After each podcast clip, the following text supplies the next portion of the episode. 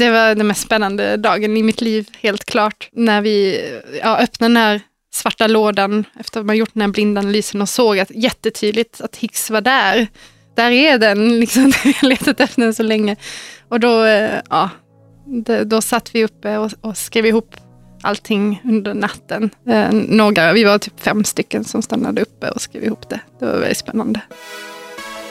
Jag heter Johannes Gustafsson och du lyssnar på Drömpodden som presenteras i samarbete med Visma, som hjälper mig och många andra att förverkliga sina drömmar om företagande. Med hjälp av deras nätbaserade program Visma e-ekonomi, som jag själv använder, så får jag snabbt en översikt på mitt företags ekonomi. Och med hjälp av smarta funktioner som automatisk avstämning mot banken och fakturering direkt via en app så sparar jag väldigt mycket tid. Och istället för att lägga timme efter timme på bokföring, som jag själv inte tycker är det roligaste, så kan jag istället göra det som jag tycker är kul på riktigt. Som att till exempel stå här och prata med dig.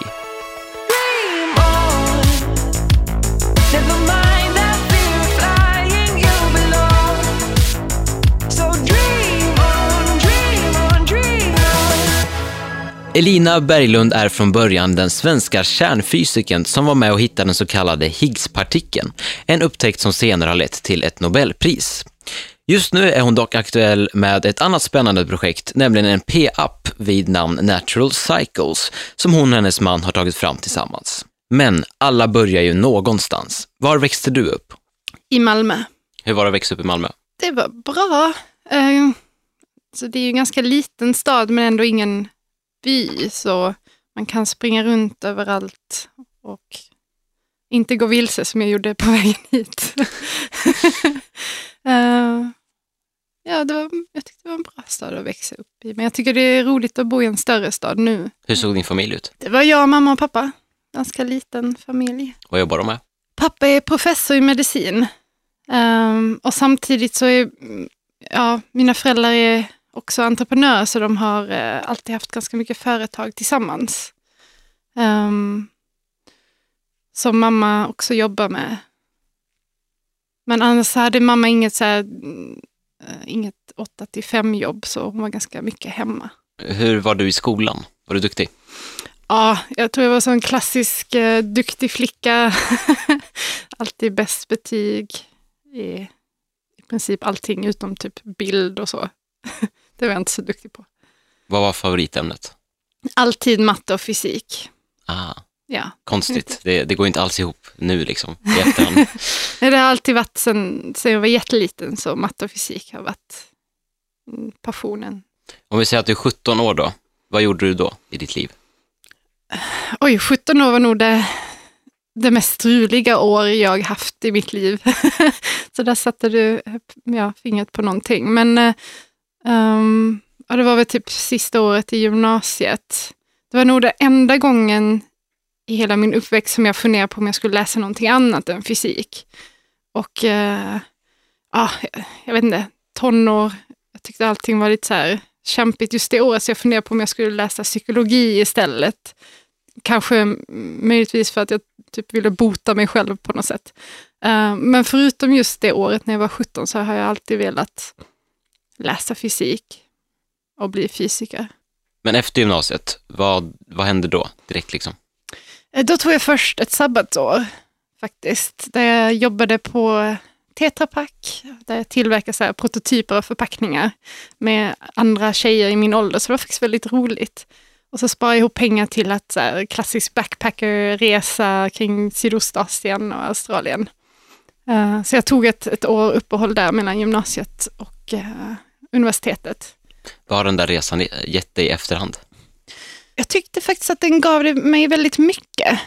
För att ehm, innan dess har jag alltid velat här, flytta ifrån Sverige. Sverige är tråkigt, uh, mycket mer spännande att bo någon annanstans. Men eh, den resan fick mig verkligen att uppskatta Sverige också. För att jag såg liksom alla fördelar som man annars tar för givet när man växer upp här. Och, eh, ja, så jag liksom fick ett mer perspektiv på ja, livet här och också pengar lite grann. Vi hade ju sparat, lyckats få ihop till liksom flygbiljett och att backpacka runt på väldigt liten budget.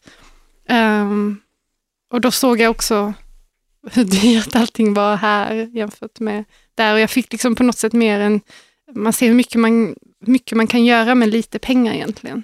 Men eh, om man kollar på när du är 17 igen då, vad drömde du om då? Jag har egentligen hela livet bara drömt om att bli fysiker och ha ett ganska vanligt liv. Hitta någon som älskar mig, skaffa ett hus och barn. Alltså inga, jag, hade, in- jag har inte haft så här jättestora drömmar. Jag har aldrig drömt om att typ bli rik eller så. Um, utan bara att främst karriärmässigt så har jag drömt om att försöka förstå hur allting hänger ihop. Så här, universum, Big Bang, ja, vår plats på jorden jämfört med, med hela universum. Det är väl därför jag alltid, jag har egentligen velat bli fysiker sedan jag var fem år gammal. Uh, när, det började med att min pappa började så här, låna fysikerböcker på biblioteket, så här, och man kunde läsa om svarta hål och så. Så läste han det för mig innan jag gick och la mig. Och det tyckte jag var jättespännande. Också min morfar, han, jag kommer ihåg när vi brukade så här promenera med hundarna på kvällen när jag var ung. Då, ehm, då visade han mig de olika stjärnorna på himlen och sa att det här är faktiskt inte en stjärna, det är Venus. Och eh, sådana saker. Så min, min dröm har egentligen alltid varit att förstå allting, hur det hänger ihop. Jag tänker att liksom om, om jag kan förstå det så... Jag är väl lite nyfiken om, egentligen mer om universum än allt som händer på jorden, om man ska säga. Um, men jag har inte haft några så här jättestora drömmar att jag ska en dag skapa ett företag eller bli ja, jätteduktig på någonting. Det har jag inte riktigt. Jag har inte haft några så här karriärdrömmar, mer så här nyfikenhetsdrömmar när det kommer till universum och fysik. Om vi går tillbaka till liksom så här 17 år, du är ute och reser efter gymnasiet Mhm, eh, och sen så börjar du på universitet. mhm. Vad, eh, vad får du välja just det? Det kanske inte är så konstigt att du väljer teknisk fysik, men Nej, det var ju det, det var ju ganska självklart. Det hade jag tänkt sen jag var, ja, så jag gick typ i lågstadiet, att jag ska läsa fysik på universitetet. Um, det kändes väldigt rätt. Och det tyckte jag, jag trivdes väldigt bra där också. Jag, där träffade jag flera tjejer som, som också läste fysik med mig, som jag kände liksom att jag klickade med väldigt bra.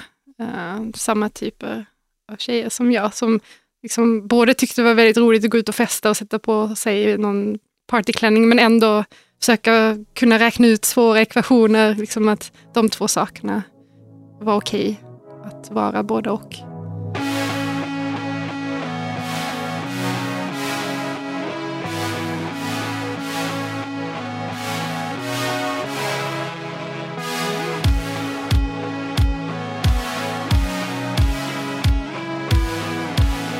När började du forska?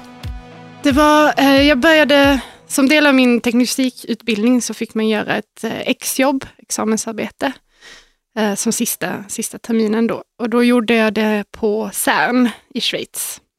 Och då fastnade jag där. Så efter att jag gjorde klart mitt exjobb så, så gjorde jag, eh, hade jag en doktorandtjänst där.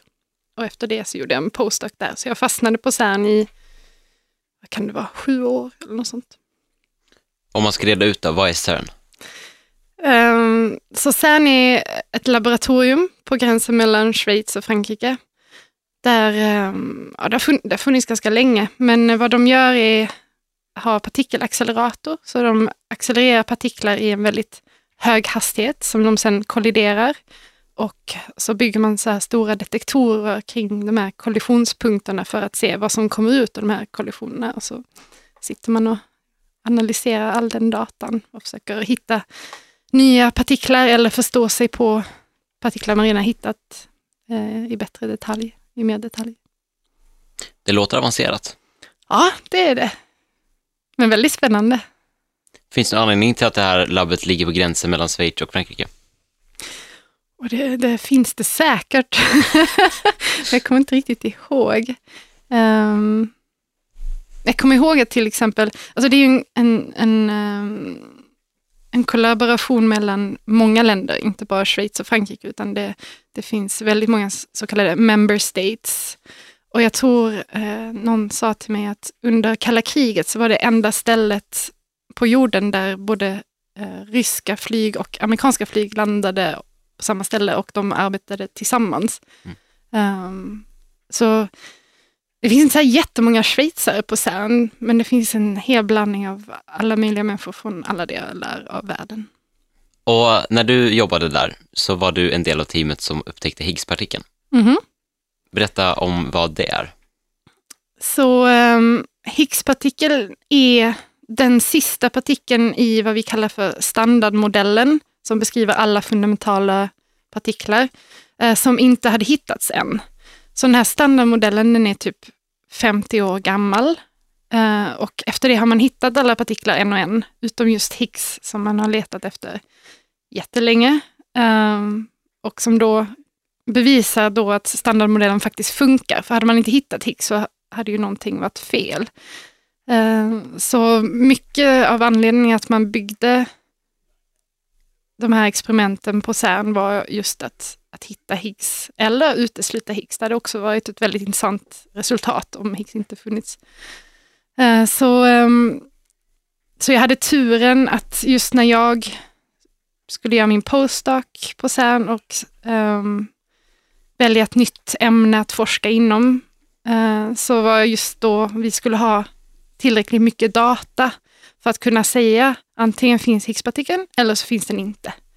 Så det, då var jag tvungen att välja just Higgs som mitt ämne att forska inom, för jag tänkte att det kan jag inte missa. Men hur viktig är Higgspartikeln? Det låter som så här, det är en partikel, hur viktigt kan det vara? Kanske för den som lyssnar, men Ehm, vad innebär ja. den egentligen? Så Higgspartikeln är den partikeln som ger alla andra partiklar massa. Så det innebär att um, om den inte hade funnits så hade inte världen sett ut som, som den gör nu antagligen. För att till exempel elektronen har en viss massa just för att den interagerar eller växelverkar med Higgspartikeln. Medan fotonen, ljus, har ingen massa för att den inte växelverkar med Higgspartikeln. Så det är liksom dessa fundamentala partiklar plus hur de växelverkar med varandra bygger upp hur hela vår värld ser ut. Det är liksom de minsta byggstenarna som gör att du och jag kan sitta här och prata idag. Och genom att förstå sig på dem, så förhoppningsvis i framtiden kan man också göra, dra någon nytta av dem. Till exempel som fotonen, det är ljus, det har man ju vetat väldigt länge, men nu har vi ju lampor och ja, elektricitet för att man förstår sig på elektroner etc. Förhoppningsvis en vacker dag så kanske man kan göra något spännande med också just Higgspartikeln. Men jag tror det är väldigt viktigt att förstå grundforskning för att senare kunna använda det. Jag borde ha lyssnat mer på fysiklektionerna inser jag nu. Men visst är det så att man har letat efter den här art- partikeln hur länge som helst. Eh, och eh, man har belönats med ett Nobelpris för uppsikten. Mm.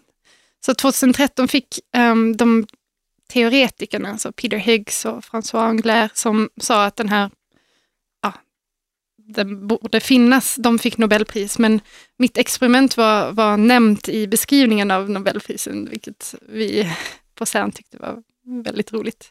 Det är häftigt. Ja, det är väldigt häftigt. Fanns du med på ceremonin? Nej, tyvärr, jag var inte bjuden. Ah, okej. Ehm, Men det är ett erkännande i sig. Ja. Nej, det, själv är jag väldigt eh, nöjd med det, för att vi, vi visste ju, eh, vi funderade på det med Nobelpris och sånt då, Eh, men vi visste ju att Nobelpris kan bara delas ut till max tre personer. Eh, så jag, jag är väldigt nöjd med det resultatet, att vårt experiment liksom nämndes i beskrivningen. Bara så här för nyfikenhetens skull, var det, var det ditt experiment som liksom gjorde att man hittade? Eller ert? Det var, ehm, så det finns eh, fyra experiment just nu på, på CERN som är liksom eh, live, eller man ska säga. Och två utav dem hittade Higgs samtidigt. Det ena var mitt experiment som heter Atlas eh, och det andra är CMS. Så de byggdes egentligen för att validera varandras resultat. Så hade Atlas hittat det, men inte CMS, hade det varit väldigt konstigt. Då skulle någonting vara fel, då någon av dem har fel. Men så vi hittade båda två samtidigt, precis som det borde vara, för vi har samma mängd data. Men hur kommer det sig liksom att, för jag läste någonstans 50 år hade man letat efter den här partikeln innan. Hur kommer det sig att man inte har gjort liksom samma experiment tidigare och kommit fram till det här resultatet? Ehm, det är väl både pengar och tek- främst teknologi egentligen.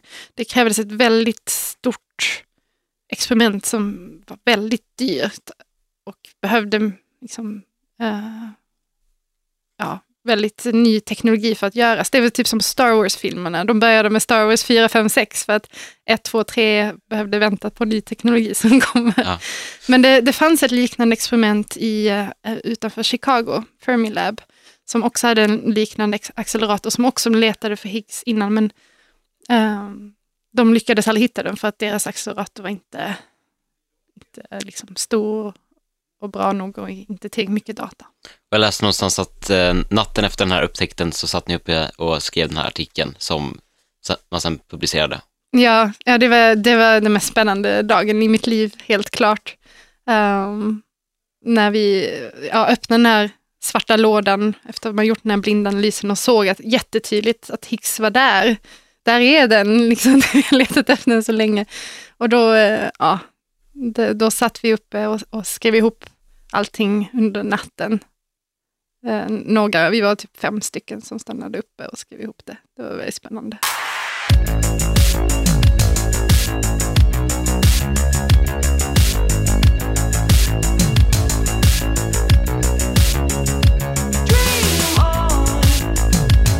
Exakt hur trött är du att prata om det här i intervjuer? Nej, jag tycker fortfarande att det är väldigt spännande för att jag saknar lite den tiden då jag var på CERN och så. Ehm, det finns andra saker som jag är mer trött på att prata om kan jag säga. För det är inte det här du jobbar med idag, utan Nej. eh, du är grundare av en app som heter Natural Cycles, vilket gör dig till entreprenör.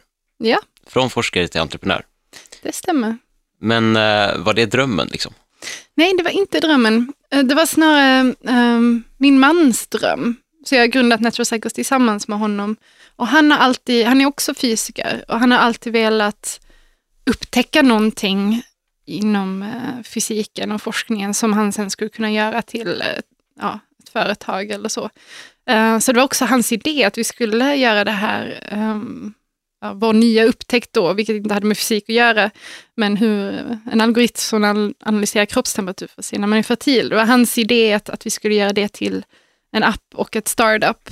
Um, så det var inte min dröm, men det passade mig väldigt bra för att det var precis efter att vi hade hittat Higgspartikeln. Och eh, jag kände att LHC-experimentet skulle stänga ner i två år. Så jag tänkte att okej, ska man någon gång testa att göra någonting annat så är det nu. Så, och jag hade eh, några månader innan så hade jag upptäckt det där att jag kunde se min temperatur när jag ägglossar när jag är fertil. Så jag har skrivit ihop en, en algoritm för det. Så jag började titta mer och mer på den datan och tyckte det var sjukt spännande. Liksom förstå sin egen kropp. Uh, så inte bara universum men också sig själv.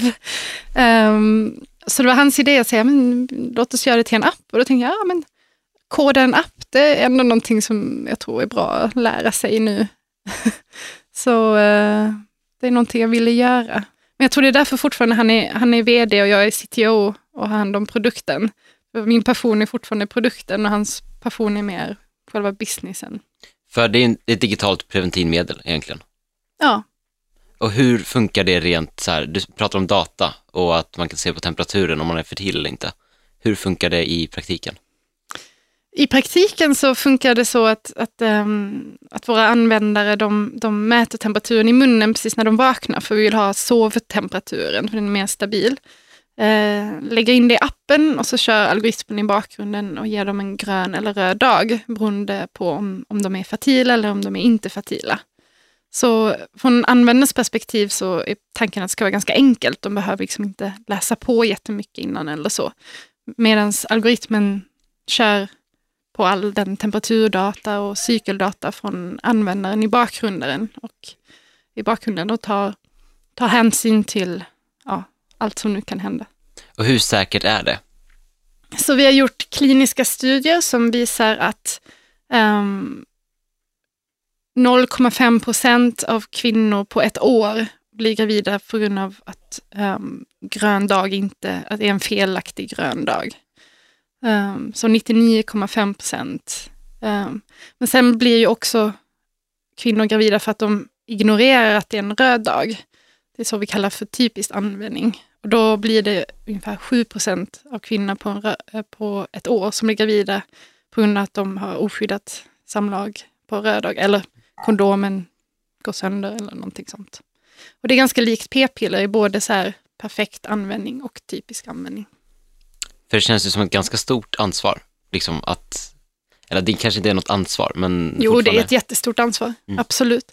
Eh, men därför, det är därför vi, vi tycker det är otroligt viktigt att vi ger ut en, en, eh, en seriös produkt som, som alltid funkar. Eh, och därför är vi också eh, CE-märkt som medicinteknisk produkt och vi har mycket regulatoriska processer innan vi till exempel ger ut en ny version av appen och så måste vi gå igenom en hel jättelång dokumenterad rad av tester och så innan vi kan göra det, just för att undvika att, att det ska gå någonting fel. Det är ju det viktigaste som finns, att, att inte går fel. Och jag såg något snack med dig från Almedalen, där du berättade om eh, någonting sjukt som hade hänt när någon hade eh, mejlat dig och du kunde lista ut vem som var far till, den här, eh, till det här barnet. Ja, vi, vi får väldigt många intressanta frågor från våra användare och detta kanske var den mest eh, intressanta eh, frågan vi fick in från en användare. Det var just det att hon, ja, hon, hon hade haft sex med två personer då, två killar. Den ena hennes pojkvän och den andra var, uh, de hade gjort slut och så hade hon haft ett one night stand. Och sen när hon blivit gravid så hon frågade liksom, vem var far till barnet för att om det var pojkvännen så ville hon behålla det. Och vi kunde lista ut faktiskt från vad hon berättade vem som var far till barnet. Och som tur var var det pojkvännen så hon behöll barnet. Så. Spännande. Ah, det är inte varje dag vi får sådana frågor, men ibland, ja, vi, vi får väldigt intressanta frågor, till exempel ja, en kvinna som har två livmödrar och ja, hur det funkar då, sådana saker. Det, det är väldigt spännande faktiskt. Men visst är det så att om man använder er app så ska man inte behöva använda något annat preventivmedel, utan det är helt enkelt att du får en grön eller röd dag. Du behöver inte kombinera det med kondom eller liksom Eh, jo, för att eh, nej, med p-piller kan man inte kombinera för vi mäter ju när man har ägglossning och äter man p-piller har man ingen ägglossning. Ehm, men vi säger ju till när de är fertila och inte. Så på röda dagar så måste man ju använda kondom. Annars, det hj- hjälper inte att bara veta att man är fertil, man måste ju också eh, ehm, skydda sig på röda dagar, annars blir man ju lika mycket, minst lika mycket gravid om man inte gör någonting, bara för att man vet om man är fertil. Så det är viktigt att skydda sig på röda dagar. Men på en grön dag så gör appen jobbet, typ. Ja, Ja. precis.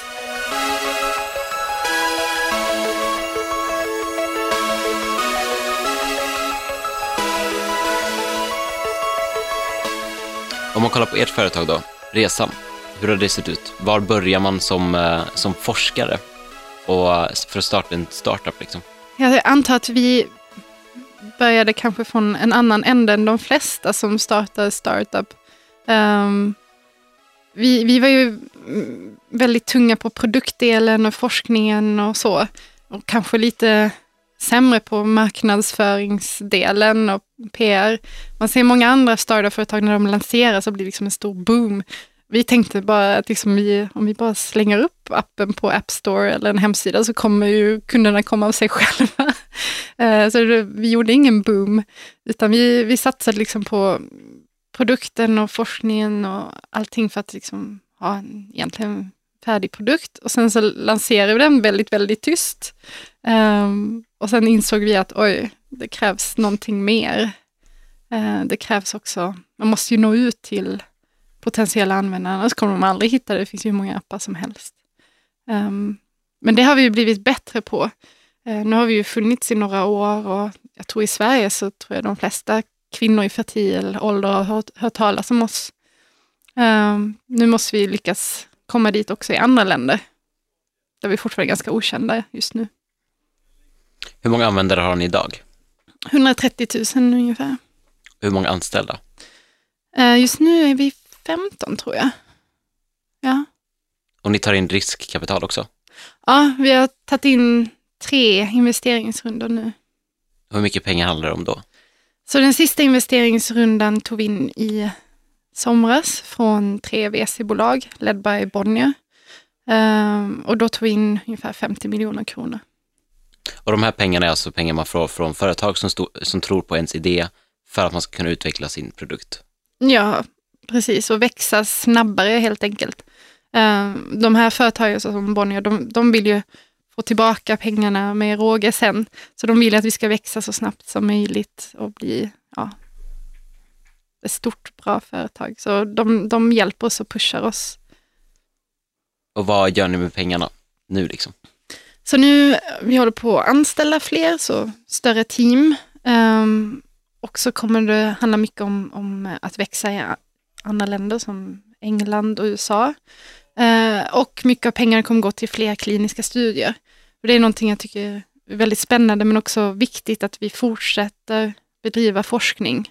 Och det, det tycker jag också är jätteroligt att, att göra forskning med fysikerhjärnan på ett helt annat område som är ja, kvinnors reproduktiva hälsa. För att eh, många saker är ganska annorlunda.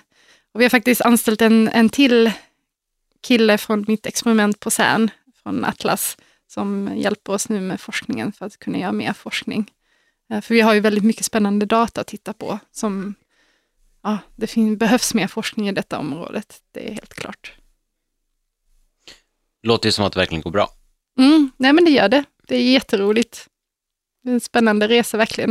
Och det är roligt också att tänka tillbaka att bara något år sedan så var jag och min man som satt där och eh, jobbade och nu är vi i alla fall 15 personer. Det ska jag tänka på. Eh, motgångar, om man kollar på det.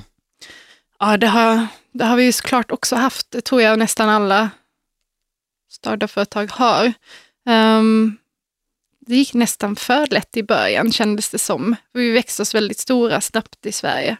Men sen efter med ungefär ett år i Sverige så fick vi ett brev från Läkemedelsverket som sa att eh, om tio dagar måste ni stänga ner er app för ni har fel CE-märkning. Ni, ni har inte den som, som vi tycker att ni ska ha.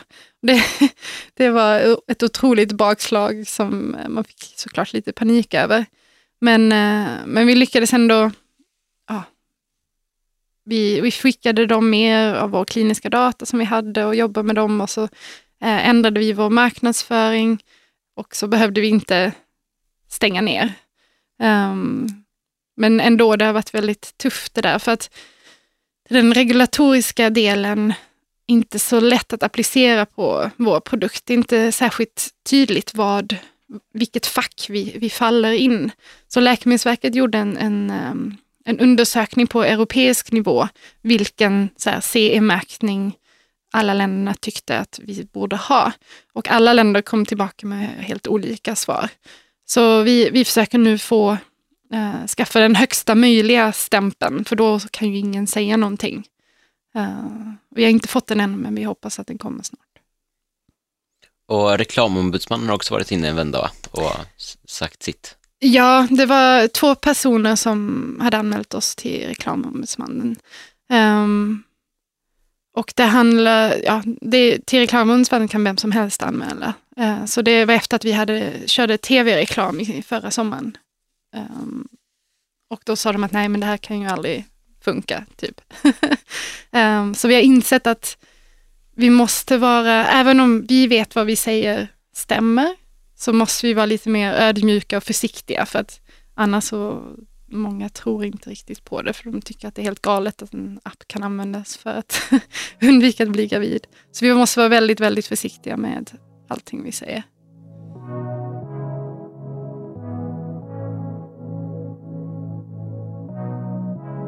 Man tittar tillbaka på din forskningstid, när du eh, hade det som huvudsaklig syssla, Mhm. hur ser det ut att vara tjej i forskarvärlden? Ja, just i fysikerforskarvärlden så är det ganska ovanligt att vara tjej. Ehm, dock hade jag väl turen att komma in i en grupp um, där det faktiskt var nästan 50 tjejer i just min grupp. Eh, just på den Higgs-analysen som jag gjorde var vi ganska många tjejer faktiskt. Så det var väldigt roligt. Men det var inte ovanligt att man satt i ett mötesrum full av personer och man var den enda kvinnan där. Um, men det var ingenting som jag riktigt reflekterade över. Det var definitivt ingenting som höll mig tillbaka.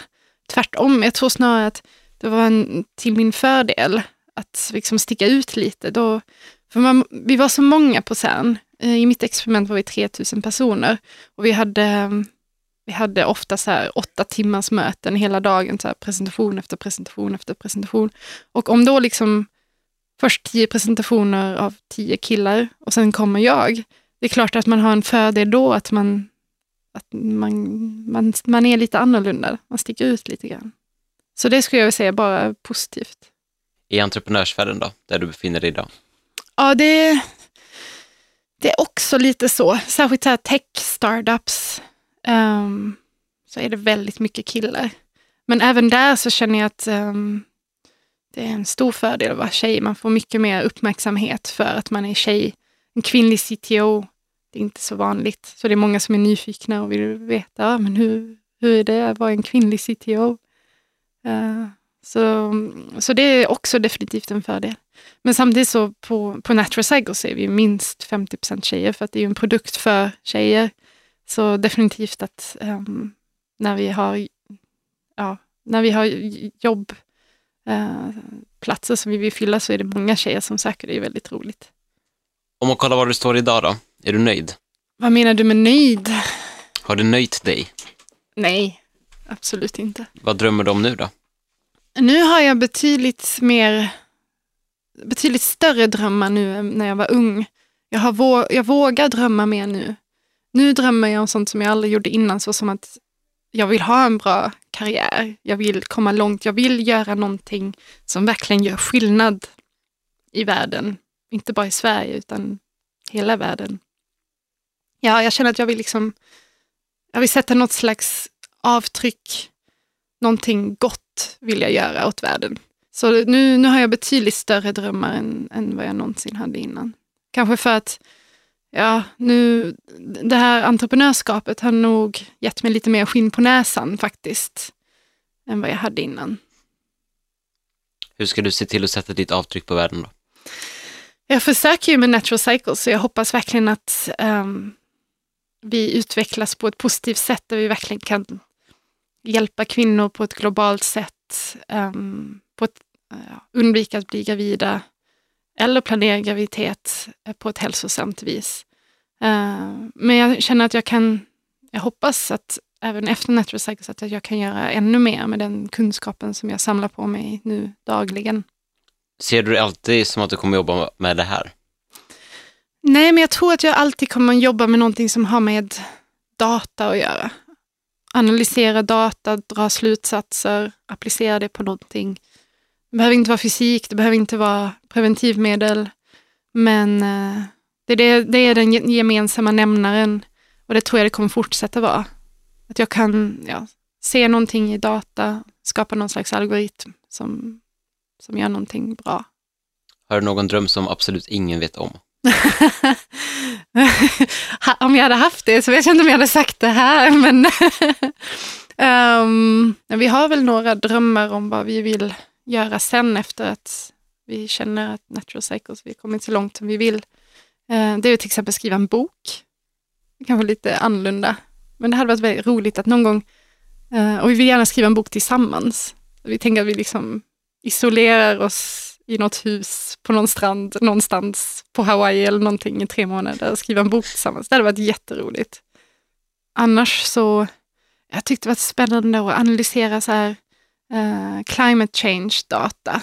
Jag tycker det är så mycket politik i det. Det är så mycket, det är svårt för mig att se vad som är sant och inte bara från media. Så jag hade velat att någon skickar mig typ all data som finns på så här klimatförändringar och sånt. Så hade jag kunnat sätta mig och grotta ner mig i det och försöka förstå hur mycket är bara på grund av att typ solen har ändrat sig och hur mycket är på grund av att vi har släppt ut massa föroreningar och, och vad kommer hända i framtiden. Det hade jag velat ja, göra någon slags beräkning på. Det hade varit jätteroligt.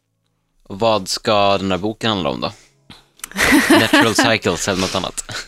Ehm, ja, vi har en idé på en bok. Eh, inte en natural cycles, men mer alltså bara rent eh, fiction. men det vet jag inte om jag är redo att prata om. Vi får nog finjustera den här idén lite grann innan vi... eh, eller skriva boken. Jag hoppas på att få ett signerat exemplar från er båda. ja, absolut. Men det lär nog dröja ganska länge. Tack så mycket för att du ville komma hit. Tack!